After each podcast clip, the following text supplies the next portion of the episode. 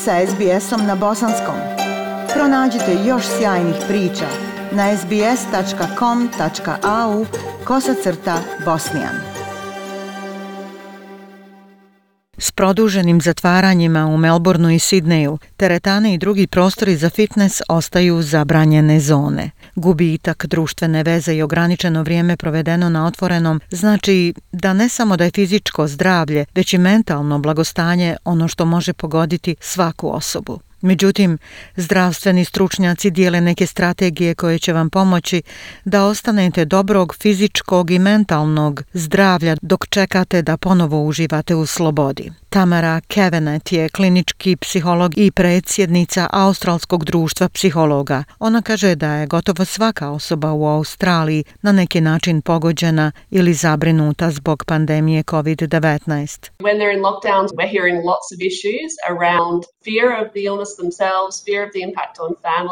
Kada su u lockdownu čujemo mnogo problema oko straha od same bolesti, straha od uticaja na porodicu, zabrinutosti oko zdravstvenog sistema i njegove sposobnosti da upravlja onim što se dešava, a zatim i uticaja na njihov svakodnevni život, na ono što rade, gdje idu, sva ograničenja i onda naravno veliki zamor na internetu.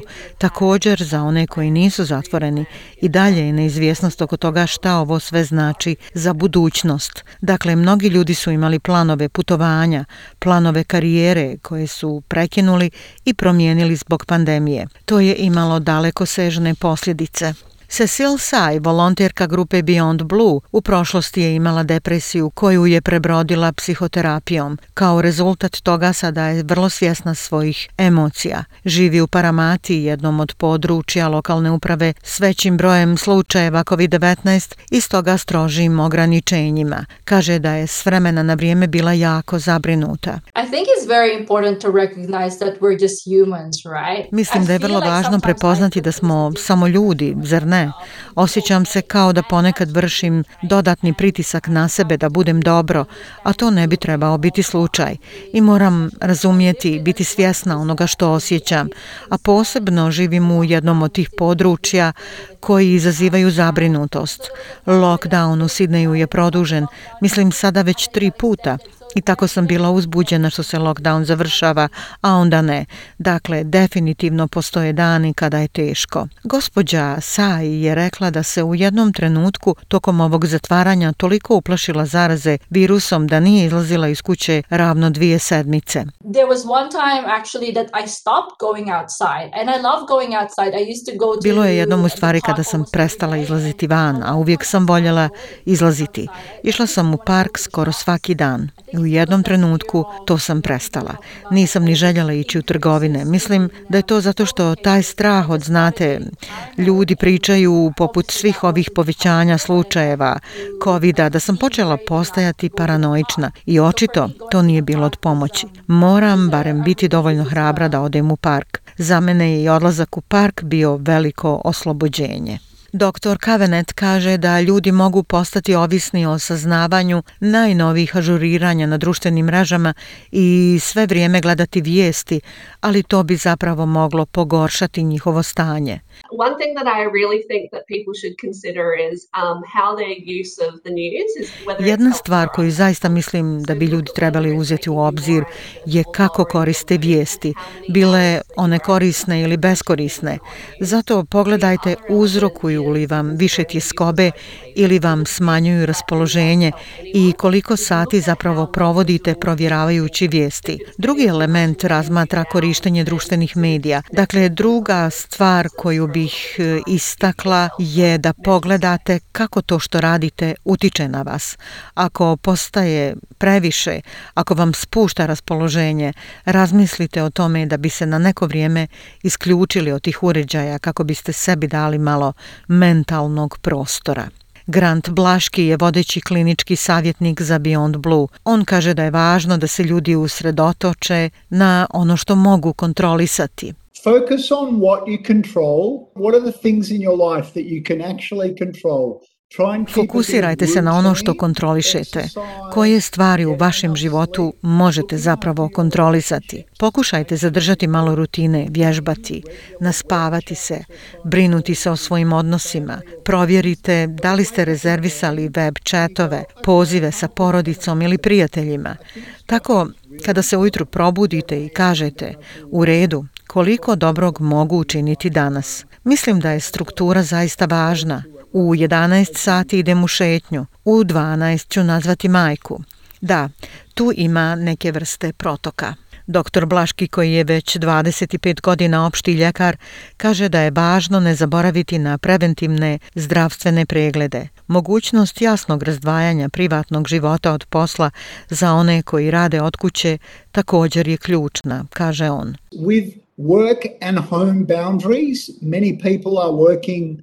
s obzirom na granice posla i kuće, mnogi ljudi rade od kuće što je u redu, ali rizik je da može postati kao da živite na poslu, tako da se posao stalno uvlači u vaš život putem e-mailova, a vi se nikada ne osjećate slobodno. Ono što volim raditi i preporučujem je da stvorite vrlo eksplicitnu granicu između posla i vašeg kućnog života. Dr. Kevenet kaže da su tjelesne vježbe vrlo važne za vrijeme lockdown lockdowna, ne samo za vaše fizičko zdravlje, već i za poboljšanje vašeg mentalnog zdravlja we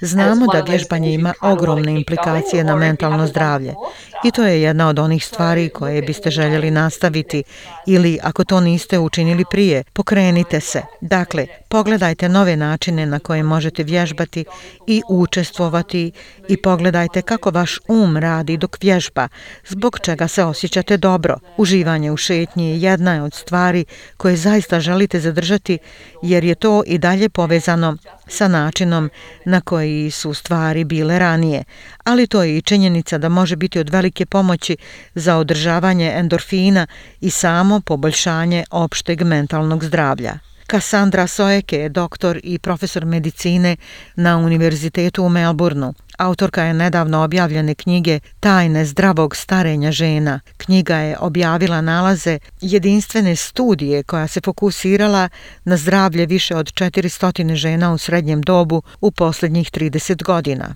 Profesorica Sojeke kaže da studija pokazuje da je svakodnevno vježbanje poboljšalo biološko zdravlje ljudi. In 30 years